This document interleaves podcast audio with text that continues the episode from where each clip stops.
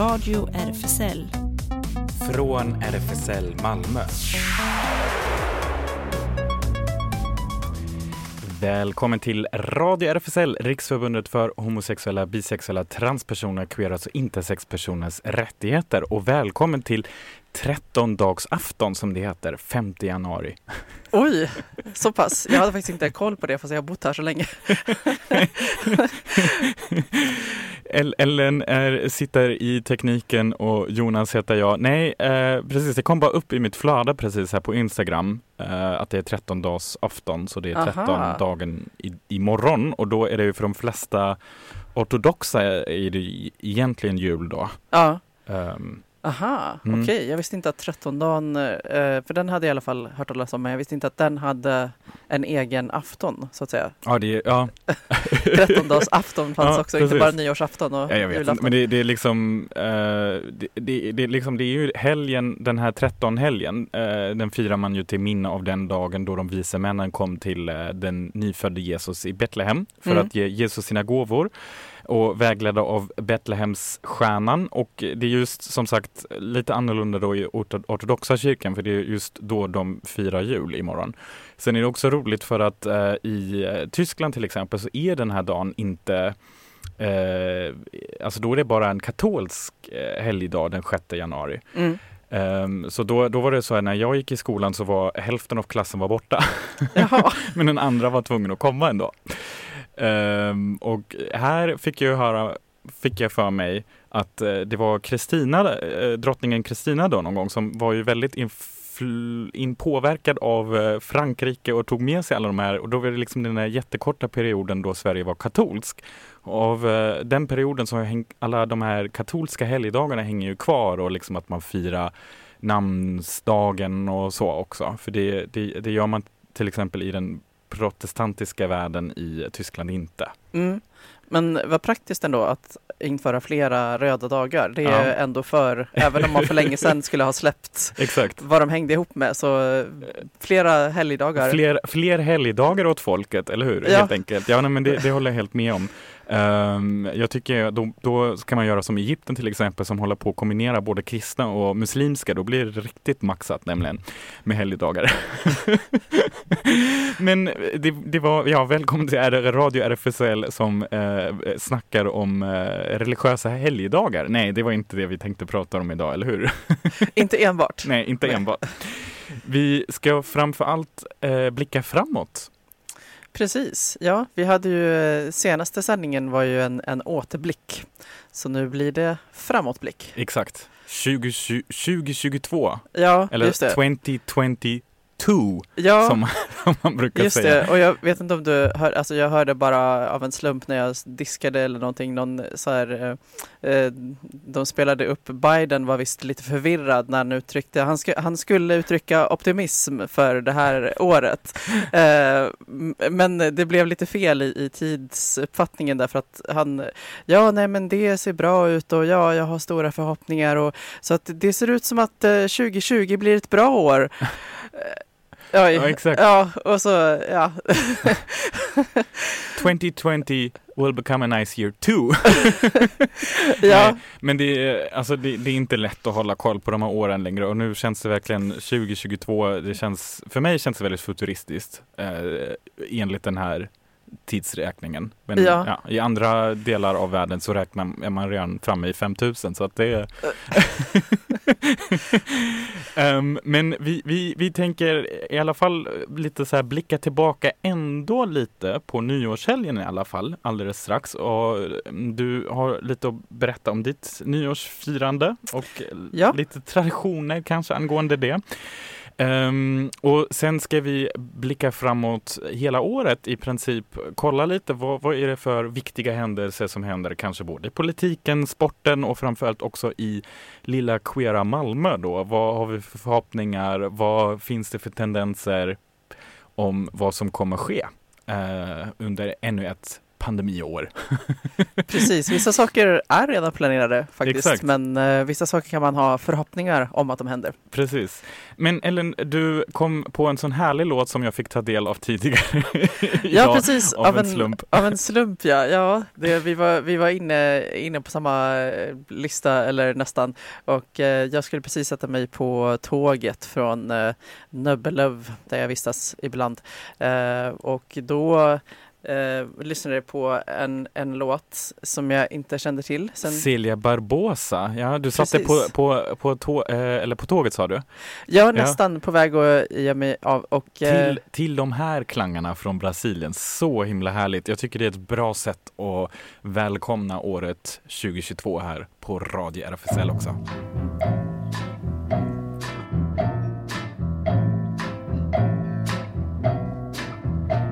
A boca é a parte que te cabe nesse latifúndio. É a terra que querias ver dividida. En protestlåt från Brasilien, Funeral de Lavrador, Funeral of a Worker här av Celia Barbosa. Det är väl eh, bra med att börja eh, året med en protestlåt, eller hur? ja, precis. Ja, men det tycker jag är hoppfullt. Mm. Vad, det- vad hade du för musik då på nyårsafton, Ellen? Eh, kanske inte jättemycket musik faktiskt, men eh, en minimalisti minimalistiskt nyårsaftonsfirande eh, med eh, japanska vänner på olika håll. Det var min exfru Yukako som kanske lyssnar nu som eh, skapade ett sånt trevligt Facebook-rum som eh, vi kunde eh, ta del Och det, det var, eventet var 23 och 45 till 00.10 så det var väldigt så här, det var precis sådär bara fira in. Um, och uh, i vanliga fall så är eh, nyårsafton särskilt verkligen en stor grej i Japan och man har många nyårsrätter, uh, särskilda nyårsrätter man äter bland annat och, eh, och den som kanske är liksom mest förknippad med alldeles liksom sent nyårsafton eh, är eh, en nudelrätt, toshikoshi soba, som det heter och, och det är väl så här nyårs, ja, nyårsövergångsnudlar eh, nudlar kan man säga, liksom att man så här, eh, så det är bovetenudlar som man äter och eh, det räcker med att man har liksom börjat äta dem innan tolvslaget, så man må, måste inte ha liksom ätit upp dem utan det är så här, så, så jag, Stressigt ätande? Ja, precis. Så att, men, men ja, för det är liksom tanken att ja, man ska liksom i alla fall ha påbörjat innan. Eh, Man får också ha ätit upp dem innan.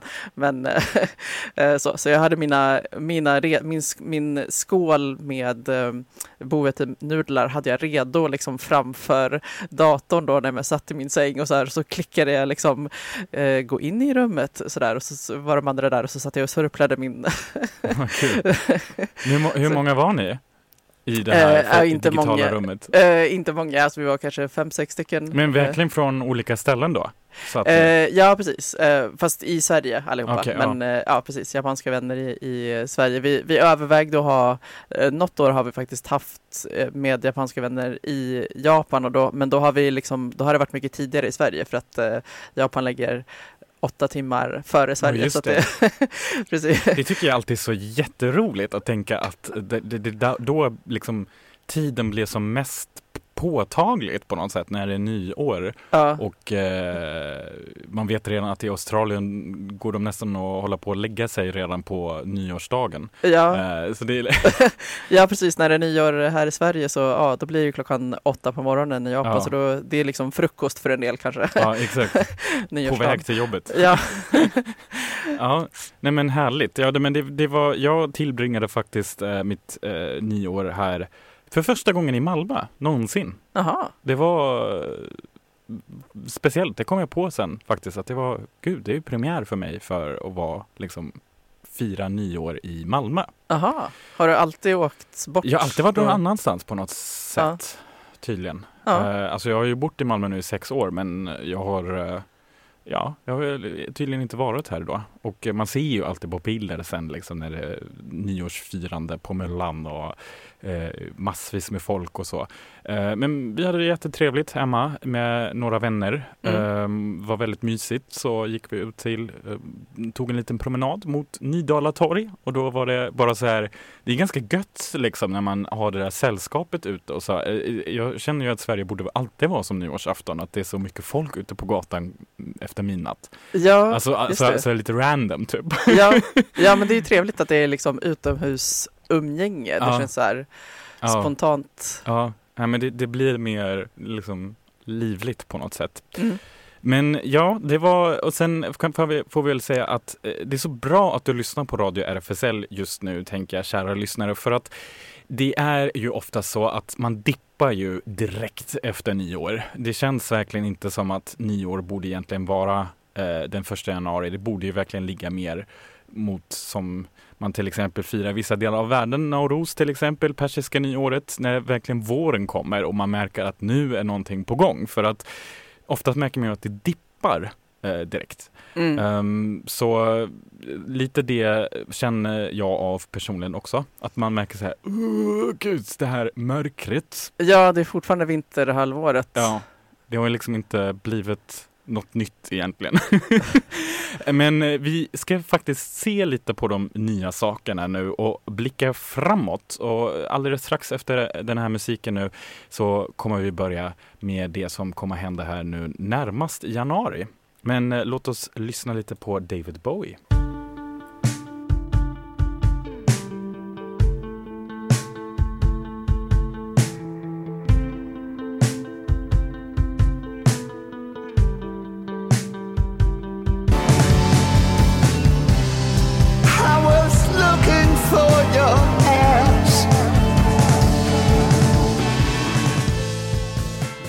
Lazarus av David Bowie. Nästan en liten kuslig låt och varför spelar vi den här?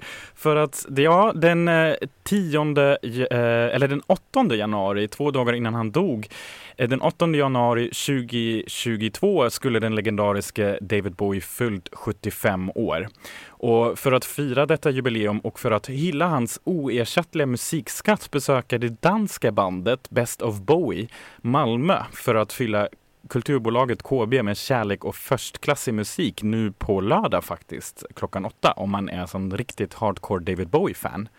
Oj, spännande! Ja, och det, den här låten är ju eh, så, som sagt då från hans sista album, eh, eh, Blackstar heter den. Eh, han gjorde då 26 album totalt. Det är väl en ganska bra musikkarriär. Ja och eh, det, var, det var som sagt att han, han dog två, alltså David Bowie dog två dagar efter att hans sista album då hade eh, släppts. Han själv hade haft långvarig sjukdom, haft cancer, höll det ganska privat så för många fans där ute kom det ganska eh, överraskande.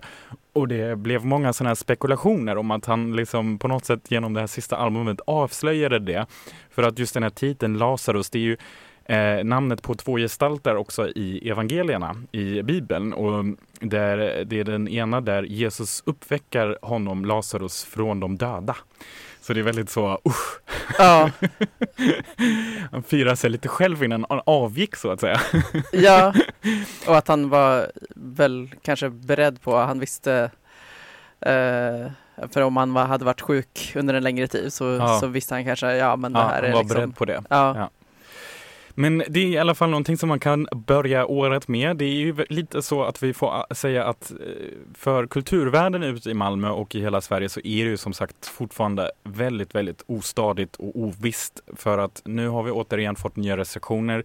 Eh, idag tror jag att man, eh, vi fick besked om att även på barer och restauranger måste man kunna visa vaccinbevis. Så att eh, det är någonting som eh, kommer påverka oss ett tag framöver och gör det väldigt svårt att planera konserter, spelningar, fester och så vidare.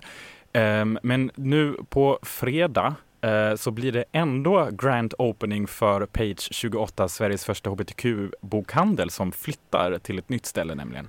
Ja, det har jag tänkt eh, besöka så vi får eh, ett litet reportage om det eh, veckan därpå, ja, skulle jag tro. Verkligen bra att ha någonting att se fram emot nu redan i januari i alla fall. Så snart inpå får vi väl säga. Men eh, om vi ska blicka lite längre framåt, vi rör oss till februari. Vad händer i februari? Oj, ja, jag var rätt så imponerad när jag läste. jag visste inte om att eh, eh Queen Elizabeth, drottning Elizabeth eh, av Storbritannien eh, blev eh, den 6 februari 1952 blev hon drottning. Eh, så att under 2022 planeras ett storslaget platinafirande i dagarna fyra mellan eh, andra och 4 juni med pampiga moment, shower, uppträdande, utställningar, konserter och dessutom en ledig dag för alla invånare. Och jag är fortfarande fast vid det här med alltså 70 år. Drottningen firar inte bara 70 år på tronen utan slår även ett världsrekord. Hon blir därmed världens längst sittande monark. Tidigare erhölls rekordet av den thailändska kungen eh, Bhumibol Adulyadej. Eh, så att, och, ja, jag, jag har liksom den här siffran 70 bara, min hjärna kan inte riktigt Nej. ta in att det man har... är eh, bra jobb med rit skulle jag nog säga. Någon slags fastanställning. Ja. Um, men, men, men det är ju, ja, vad tror du om, kommer hon finnas kvar när vi uh, blir gamla så att säga? Det känns ju lite som det, att hon alltid kommer finnas där. Ja, kommer, hon det beror på. Det kanske liksom, som pro, prototyp av en robot eller någonting. Ja, just det. Nej, ja, och hur långt de har kommit med så här cryogenics och eh, liksom hur, hur det går att eh, frysa in folk eh, och sådär. Men också man, man tänker liksom 52, alla saker som har hänt, alltså liksom alla så här mm. epoker mm. Som, som hon har genomlevt liksom eller eh... Som sittande monark? Alltså. Ja. Mm. ja. Det är eh, verkligen eh, imponerande ändå på något sätt. Eh, ja, det, får, det kommer nog få väldigt mycket mediauppmärksamhet i februari så det kan ni redan boka in om ni är sådana här royalister eller någonting eh, eller bara rent av nyfiken kanske så kan man boka in det säkert eh, markera den 6 februari som Eh, kanske borde ansöka om att återigen helgdagskopplingen. Det är ja, lika bra att alla får precis. ledigt den dagen. Ja, just det. Ja, man, man liksom känner en plötslig eh... sympati där. ja. Exakt. Eh, något annat stort som kommer hända i februari, eh, mellan den 4 och 20, då kommer nämligen vinter-OS arrangeras i Peking i Kina. Och Peking stod värd för sommar-OS också, 2008 var det. Och det här blir första gången som samma stad faktiskt arrangerar både vinter och sommar-OS. Eh, så det kommer nog få också för alla sportintresserade, kommer det vara ganska avgörande. Um, och vi kommer höra väldigt mycket, eh, läsa i tidningarna och se på tv och massa vintersport och så. Eh, men det, det, jag vet inte hur vintersport du Ellen? Alltså inte jätte, för mig, jag kommer ju närmare och tänka på liksom, eh, ja, alla förhållanden. Hur är det liksom att vara så här eh, öppet hbtq-person som ska åka dit och, och tävla och liksom, mm, eh, ja, mer sådana aspekter kanske jag tänker på. Ja, nej exakt och det kommer ju vara intressant. Eh, det har ju varit en hel del snack kring det också och hur, hur eh, vi kommer nog säkert ha en hel del nyheter kopplade till OS också här på radion. Mm. Um, sen, vi brukar ju haft en hel del guldkorn, veckans guldkorn genom uh, sändningarna förra året och året innan också. Eh, och då får man också boka in redan ett viktigt datum, tycker jag i alla fall, nämligen ja. den 27 februari. Då släpper BBC America den fjärde och finala säsongen av Killing Eve. Jag ser fram emot det också. Det, eh, Villanella är definitivt min favoritpsykopat. Eh, precis. Exakt. Så för alla som inte vet, det här Killing Eve är ju en brittisk thrillerserie som är otroligt populär bland många eh, som hade premiär redan 2018 och eh, är skapat och skriven av Phoebe Waller-Bridge och bygger på en spänningsroman Codename Villanelle och i huvudrollerna syns Sandra Oh och Jodie Comer. Seriens eh, tredje säsong visades eh, 2020 och sen den fjärde säsongen eh, blev lite uppskjuten på grund av corona, för just i den serien så spelar de in på väldigt många olika platser runt om i Europa. Så att, eh, men nu fick de ändå till liksom under det här, eh, vet inte, sommarluckan där corona höll på att bli bättre eller någonting. Ja, de lyckades filma klart. Precis. Och eh, handlingen bygger på den här agenten Yves Polastri, spelad av Sandra Oh, som blir extrainkallad efter att en, det är första säsongen då, efter att en rysk trafficking misstänkt politiker blivit mördad i Wien. Och Yves tror att mördaren är en kvinna och får order om att bevaka det enda vittnet, den mördades flickvän. Och det hela utvecklar sig till en eh, fantastisk katt och råtta-lek. Eh, verkligen, och väldigt queert också. Mm. Eh, det hela. Ja, det är februari skulle jag säga. Ja, Ska vi... Uh... Röra oss framåt i mars ja. kanske, men det, vad händer i mars? Vad har du för förhoppning om mars, Ellen? Alltså förhoppningar om mars, ja, alltså det, vi pratar ju om att det, det är då det ändå liksom brukar vända lite liksom dagsljus och vädermässigt så att, så att jag hoppas att vi då har liksom tagit oss ur den här vinterhalvåret och ja, det känns eh, lite roligare att gå upp på morgonen. En liten vårglimt då kanske, ja precis. Ja. Sen blir det ju också en hel del politiska eh, händelser som kommer att vara ganska avgörande, bland annat sen i april, den 10 april blir det ett stort val, nämligen i Frankrike. Mm. Hur avgörande kan det vara? Eh, det påverkar nog en hel del. Eh, Frankrike som ett av de större eller största länderna i Europa med sitt eh, otroligt eh, höger eh, riktat, liksom höga tendens nu. Har, har man ju fått eh, en sån ny ledare nu som, som går in i spåren av Le Pen uh. och hon verkar ju som en tam katt bredvid honom. Så att det, okay. det blir eh, spännande. Mer vind i seglen mm. för dem. Ja. Och sen i maj, då brukar det vara en hel del som händer och framför allt då blir det Eurovision Song Contest. Eh, Shoutout to Klas.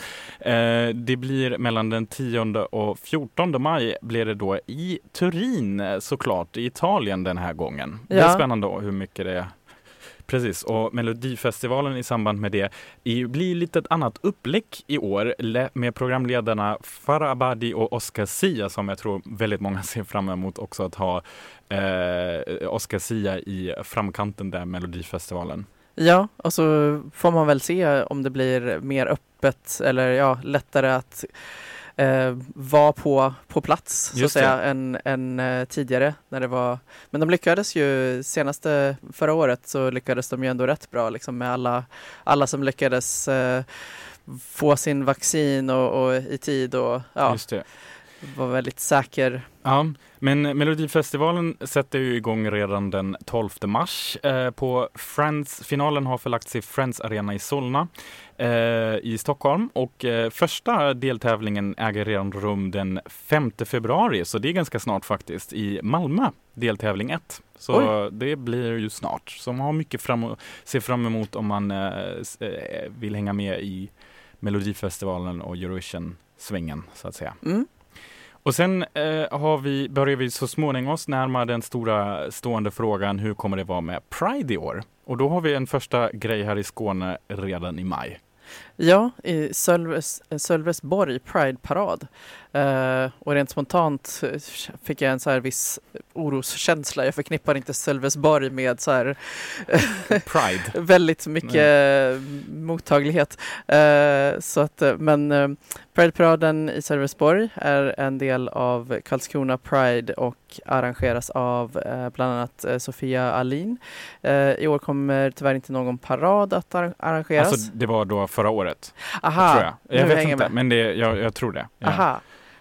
Okej, så då får vi hoppas att det blir mer eh, detta år under 2022. Eh, så eh, kom, eh, arrangerar Karlskrona Pride en parad och eh, som en motreaktion mot att Stadshuset inte längre regnbågsflaggar. Just det, det minns jag att jag läste att det eh, fanns mycket motstånd och, och ja, blev väl ett förbud till slut mot att flagga. och Uh, oj, nu undrar jag jaget här. Är det du Sofia. Jonas?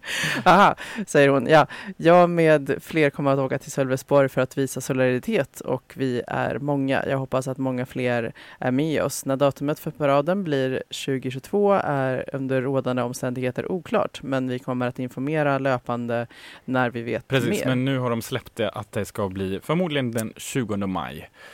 Så att, eh, mycket se fram emot. Och sen i juni, då har vi tagit oss redan genom första halvåret. Då kommer sommaren nämligen och då börjar West Pride, en av de stora här i Göteborg. Eh, den kommer nämligen äga rum med Pride Park, Pride House och Pride par eh, Parad eh, mellan den 13 och den 19 juni, så alldeles strax innan midsommar. Mm.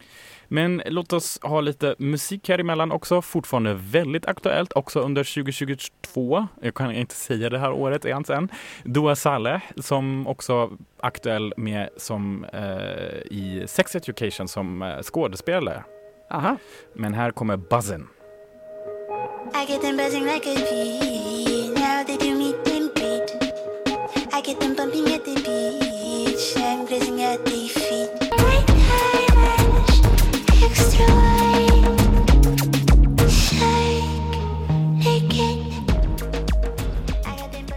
Buzzin av Dua Saleh här på Radio RFSL. Ja, fram till sommaren har vi rört oss här redan.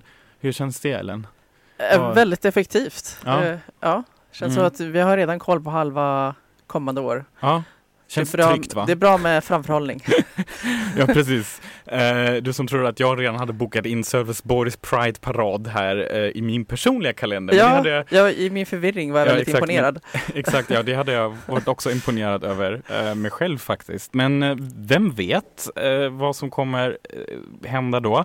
Men det, det är väldigt lite roligt, tänker jag ändå. att jag, jag, tänker, jag ser mest fram emot att det blir varmt. Jag har ju alltid vädret i huvudet egentligen. Så att, eh, Ja. Och Eh. vädret med, med större möjligheter till uh, umgänge, Exakt. Och att tänker jag också. att eh, lite min förhoppning om att corona, att den här omikron-varianten som är så otroligt sp- eh, spritsam, eh, men samtidigt så de som är vaccinerade eh, insjuknar ju inte så allvarligt de flesta i alla fall har de eh, kommit fram nu i en ny dansk forskningsrapport också så att man, får hopp- man hoppas ju lite så här, ur ett historiskt syn att den är sista och liksom högsta eller vågen eller största vågen att det är också den som då kommer att fejda ut det hela lite grann. Mm. Jo, jag har den eh, förhoppningen eh, också. Eh, Ja, jag hörde, jag, jag hoppas det här stämmer. Jag hörde den på någon nyhet och de eh, gav själva en brasklapp, eh, de som hade gjort eh, studien, att ja, men vi vill inte säga, ja, vi har liksom eh, ganska litet underlag än så länge, men, men det som jag hörde då, som jag hoppas eh, kommer visa sig stämma, det är att eh, om man ändå har smittats av omikron enligt det här då på de som de kunde se i det underlaget de hade eh, så var folk mer skyddade mot andra, alltså delta och de här. Eh, ja, det kan man ju hoppas på. Ja, nej, nej, exakt och det, det är väl också den, ja men jag förstår som forskare lever man inte ett lätt liv just nu. Nej, Men eh, det som är så bra med att när man går igenom årsplaneringen är att oftast är det faktiskt sporteventen som är väldigt stabila annars och de äger nog oftast rum även, de har lyckats att ta sig runt det här med corona oftast på något sätt. Eh, för att i juli blir det nämligen Europamästerskap i fotboll för damerna och det planeras eh, då i England mellan den 7 juli och den 1 augusti. mm, okej. Och eh, svenska truppen, alltså jag måste ju erkänna, jag är inte någon sportflata. Jag har Nej. inte koll på Men eh, det är ju bra att det blir av. Och de har ju kanske större möjligheter att hålla det liksom mer kontrollerat eh, ja, än andra evenemang. Och i augusti, eh, 13 till 22, nästan exakt samma datum som eh, förra året, så eh, blir Copenhagen Pride. Så då är det bara i Copenhagen. eh, Precis, den här gången är det inte World Pride då. Men vi kan väl säga att eh, Malmö Pride har inte, de är igång med sitt arbete för årets Pride-parad och allt det där. Men de har inte lagt upp några datum än, än så länge, så det får vi väl avvakta om. Det har ju hoppat runt lite grann nu under de senaste åren mellan ibland tidigt i juni och ibland sent i augusti, så att vi får väl se hur det blir. Ja. Ja, och eh, i september, 11 september, eh, Ödesdatumet. ödesdatumet, ja precis, eh, val i Sverige. Ja, jag har redan läst en del, jag vet inte, det, det där för mig personligen känns det, jag vill ju liksom hoppas på saker, men min spontana reaktion är liksom hoppas det inte blir vissa saker. Ja. hoppas det inte blir ett visst utfall. Nej, vi ska inte säga vad, vi, vad det är vi menar här. Ehm, ja, och sen om vi fortsätter då istället med Pride-känslan efter det här ödesvalet i Sverige. Eh, då kan man ju kanske, eh, f- om man känner att 11 september och utgången med det här valet eh, är man inte så nöjd med så kanske det är bra att sticka till Serbien då istället. För att den 12 till den 18 september då blir det nämligen Europride i Belgrad. Ja, just Det blir spännande tror jag. Ja, men det kan ju det kan ju vara passande liksom för att den, den 11, ja men då vet man liksom hur, hur det liksom åt vilket håll det barkar Exakt. här och vill man, vill man då fly så Kan man lika gärna redan åka dagen därefter. Exakt, ja. De blir lite förvånade kanske. Ja, just det. eh, där bara, oh, ja det är flyktingar från Sverige. Eh, Exakt. Precis. Ja, det, oh, ja, det blir spännande. Det är därför också vi har lite tomt här än så länge i oktober. För att eh, oktober är enligt min erfarenhet nu de senaste åren kan bli en väldigt spännande månad på både personligt och eh, globalt, eh, politisk och whatever level. Så, eh, det så kan det också ibland vara en sån ödesmånad känns det som. Ja, där Det- man liksom plockar upp, sopar upp skärvorna av Ja, september. exakt. Liksom. Ja. Eh, så får vi väl avvakta, ta det lite lugnt där i oktober och så. Men sen i november så kommer, för alla sportintresserade, så kommer ju det som blir då förmodligen eh, medialt det som det större eventet och det är världsmästerskapet i fotboll för herrarna. Det kommer nämligen då avgöras på vintern. Lite speciellt. Mästerskapet ska ju spelas i Qatar i, mellan den 21 november och den 18 december. Um, och anledningen till att det inte kommer att spelas under den normala fotbolls-VM-perioden på sommaren i den extrema värmen i Qatar där temperaturen brukar ligga på runt 40 grader på sommaren. Så Mm. det är därför man har förlagt det liksom till vintern då det är liksom lite mer så här kring 30 typ. ja, svalt Exakt. i jämförelse. En mild bris. Ja. Så. Ja, men där, där har jag ju hört mycket också om eh, hur, hur är det att eh, åka dit som hbtq-person i, i laget. Eh, Mm. och är det inte någon som också har uttalat sig, jag drar mig till minnes eh, några som är ja, öppet, öppet, öppet hbtq som också har uttryckt skepsis mot att, Mm, mot att delta. Det har vi Så- också rapporterat här om på Radio RFSL. Sen är det sam, samtidigt med det här med att, eh, att, att avstå ifrån sådana saker. Ja, jag vet inte. Det är komplext, Ja, eh, tänker jag. det är oklart eh, vad som kan ge Jag effekt. tänker under Trump-året så var det ingen heller som bojkottade USA direkt. Men eh, så. Nej. Men det, det finns, eh, det kommer nog väldigt, det har redan bubblat upp en hel del så det kommer nog bubbla upp otroligt då innan eh, det är dags i november. Och sen får vi återigen en till december som vi precis lämnat nu bakom oss. Då blir det återigen Ja, det som ligger närmast oss nu, julstämning och nyårsstämning då, men den här gången då för 2022. Då får Mm. vi nämligen blicka tillbaka på vad som har hänt. Ja, Vad tror du Ellen? Hur kommer 2022 kännas då? ja du. Ja, man, man hoppas ju framförallt att det liksom, vi ska ha tagit igenom det här att det är liksom, eh, ja nu är det ju, man pratar om BC, men kan man prata om så här post, man hoppas att det kan vara post-covid. Mm, kanske vid det laget. PC. Ja, precis. Ja, precis. Eh, och att man ja, återgår till de sociala sammanhangen och ja, det kanske kan fira nyårsafton i Japan faktiskt. Det vore ju om, jag, Oh. om jag kunde åka dit. Det låter jag har spännande. inte varit där på sen jag flyttade hit 2003 så det vore ju, Det är dags Ellen, Ja. känner jag. ja. Men det är också dags här på radion nu för nyheter, men lite musik innan nyheterna också. Cry for another, för det är kanske det som kommer hända under 2022 också. Claude Fontaine.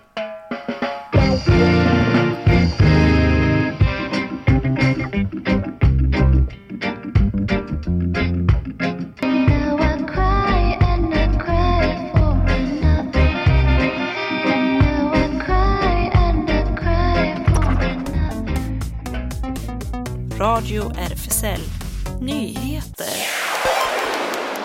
Och vi börjar med könssjukdomar. Härligt, eller hur? Syfilis har ökat ovanligt kraftigt under 2021.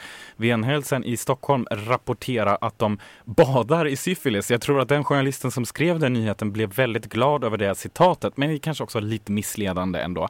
Från att ha varit en både vanlig och dödlig sjukdom försvann syfilis nästan helt på 1940-talet när penicillinet kom. Men sedan 1990-talet har det skett en stadig ökning, rapporterar SVT.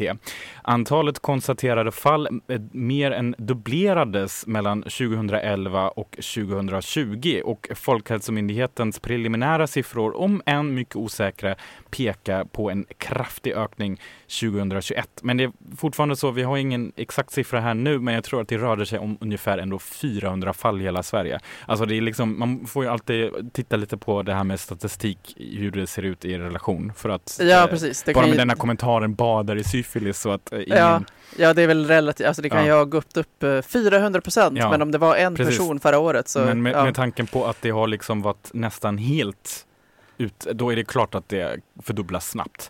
Eh, smittan sprids vid oskyddade samlag och kondomen är och förblir det bästa skyddet, eh, meddelar man. Samtidigt är syfilis en lömsk sjukdom på så vis att många drabbas faktiskt utan att få symptom.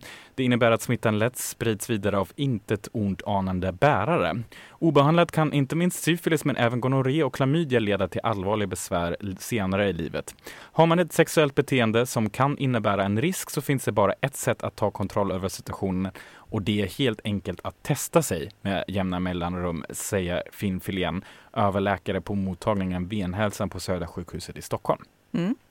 Socialdemokrater trycker på för ett förbud mot att försöka göra hbtq-personer heterosexuella. Men eh, pingstledaren Daniel Alm tycker inte att staten ska lägga sig i själavård.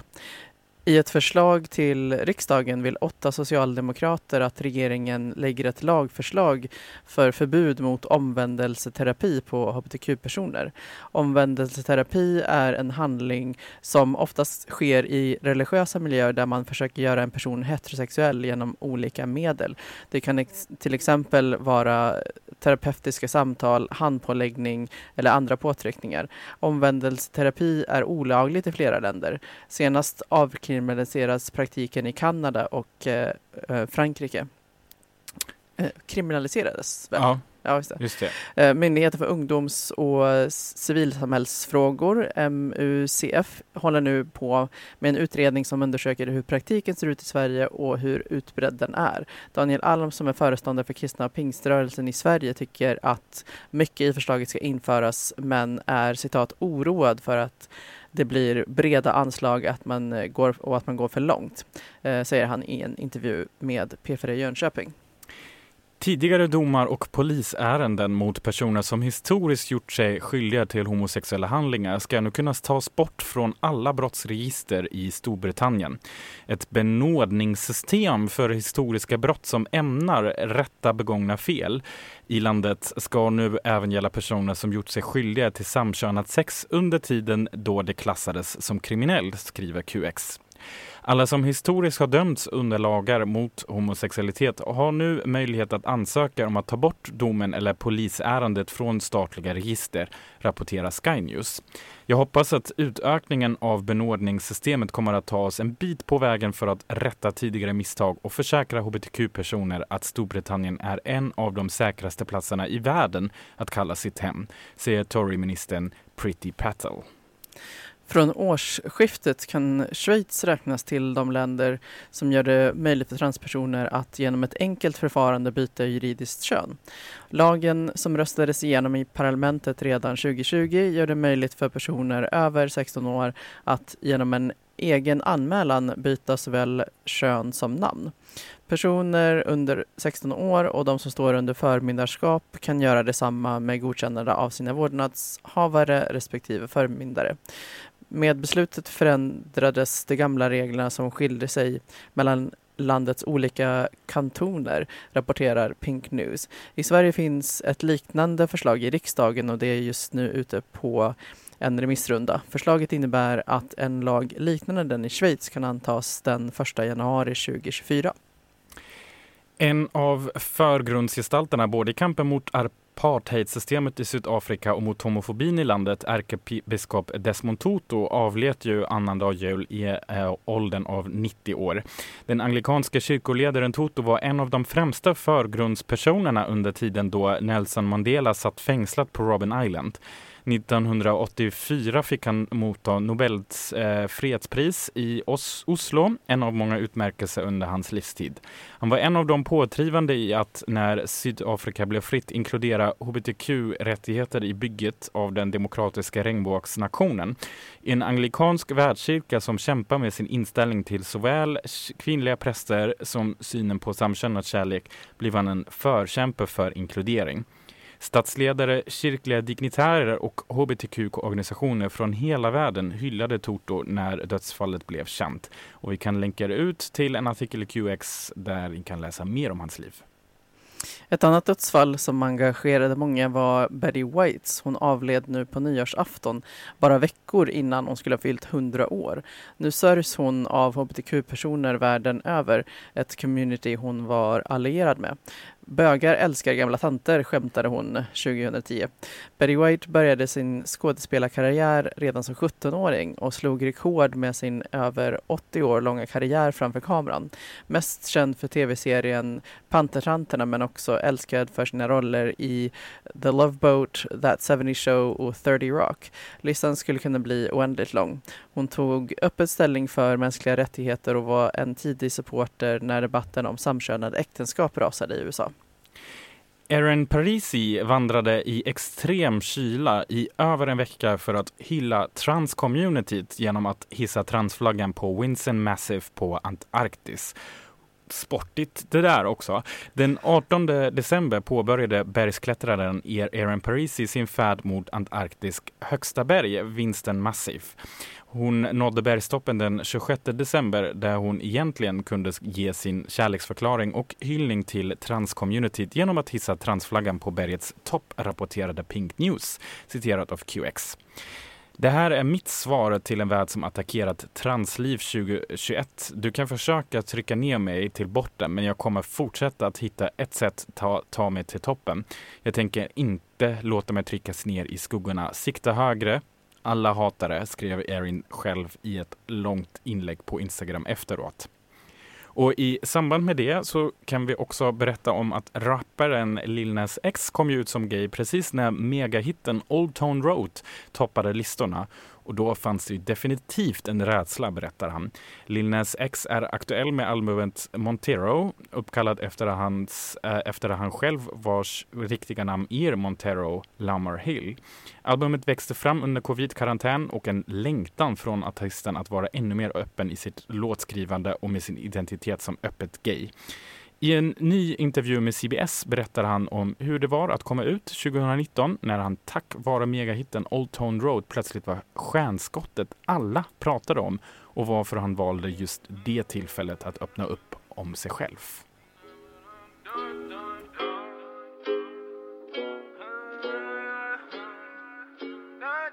Yeah,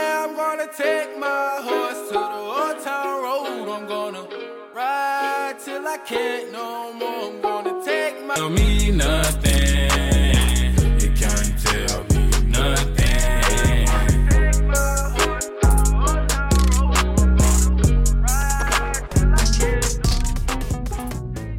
Radio RFSL. Det händer. Ja, vi har ju i princip berättat allt här i vår framåtblick om vad som kommer hända, eller hur Ellen? Ja, nästan, men ändå sparat några. Några stycken saker här har vi sparat. Radio RFSL är det du lyssnar på och vi tillhör ju RFSL Malmö som har sin lokal på Stora Nygatan 18 även 2022. och det händer ganska mycket i lokalen, kanske lite lugnare nu under januari månaden också. Men kolla in Facebook, Instagram, malmo.rfsl.se, hemsidan också. Caféet är ju öppet som vanligt tisdagar och torsdagar mellan 13 och cirka 16 17. Och på onsdagar just nu klockan 18 träffas då Space eh, i lokalen för umgäng umgänge och spel av olika slag. Um, jag har fått höra att eh, Space eh, planerar en hel del aktiviteter nu framöver också och eh, blir internationellt ihopkopplat med alla som befinner sig inom det aromantiska och asexuella spektrumet. De är välkomna. Och Newcomers kaféverksamhet då på fredag igen klockan 15 till 19 och Seniorcafé då på söndagar i vanlig följd. Vill du hänga med och får veckomejlet så får man höra av sig till seniorer malmo.rfsl.se. Mm. Och eh, Habitat Q, ungdomshänget, fortsätter måndagar och torsdagar eh, 17 till 20. Man kan hålla sig uppdaterad på Facebook eller Insta. Där är det snabbela habitat understreck Q och så kan man DMa för att veta var man ska träffas. Och sen SLM, eh, de har haft eh, kanske lite personalbrist nu den senaste tiden. slmmalmo.se, Sallerupsvägen 30, medlemsklubben för bara män.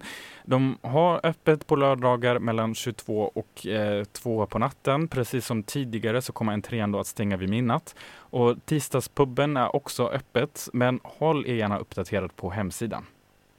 Och som vi har nämnt eh, blir det Grand Opening, invigningshelg med början nu på fredag den 7 januari klockan 19.30. Eh, och eh, då är det alltså Karlskrona plan 11 som är nya Platsen, välkommen på vår Grand Opening skriver de. Och där har jag tänkt sitta förbi och kanske göra eh, lite intervju med folk. Precis. Så, mm. Halv eh, åtta på kvällen då. Och då har de nämligen planerat lite om så istället ska de ha kvällsöppet hela helgen. Sen också på lördag och söndag mellan eh, 12 och 16 också och, och just på fredag t- t- hela vägen till eh, 22. Så Mm. blir det fint. Och sen på onsdag den 12 januari nästa vecka när vi sänder i konkurrens till eh, radion 18 till 20 Bipan nätverksträff.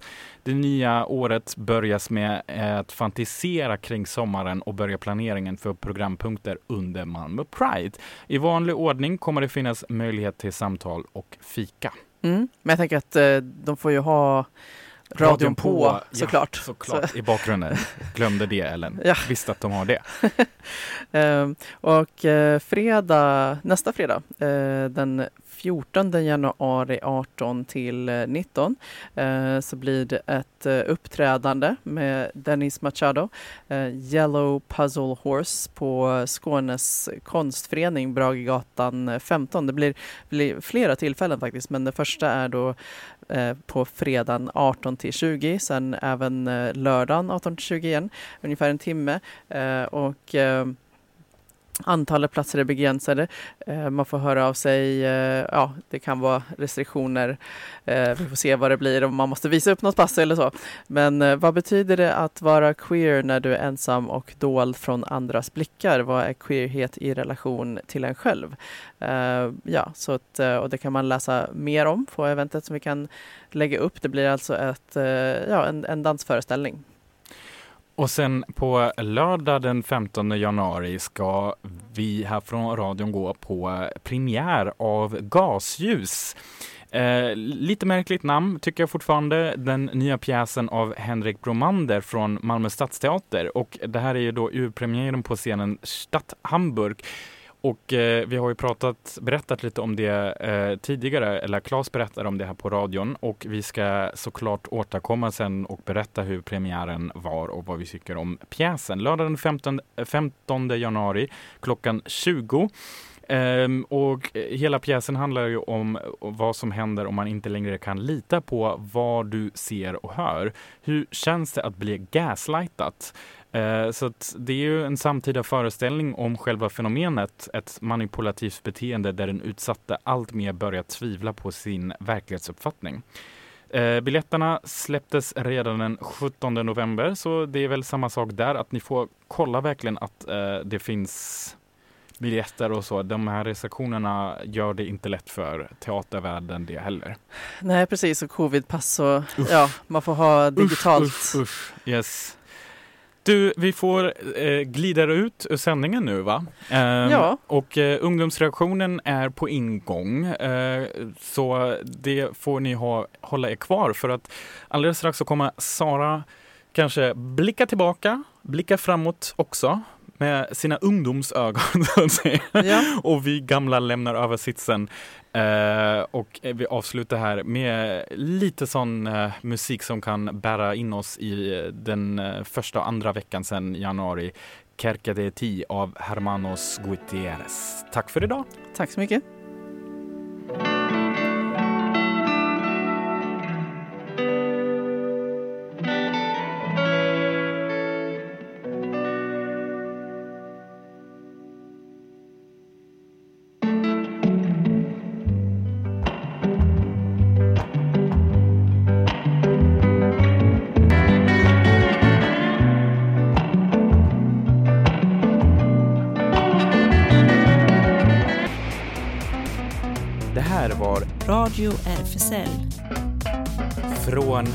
RFSL Malmö.